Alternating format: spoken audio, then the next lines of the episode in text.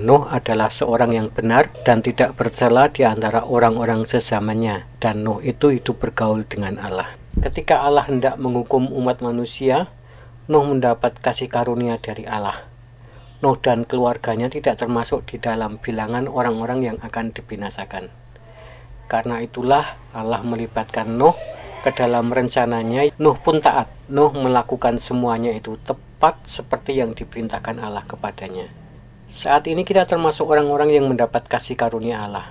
Kita telah dipanggil dari kegelapan untuk masuk ke dalam terangnya yang ajaib, akan tetapi tidak berhenti di sini saja.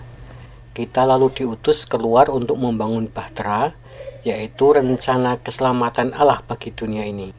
Barangkali Anda hidup di lingkungan yang tidak ideal.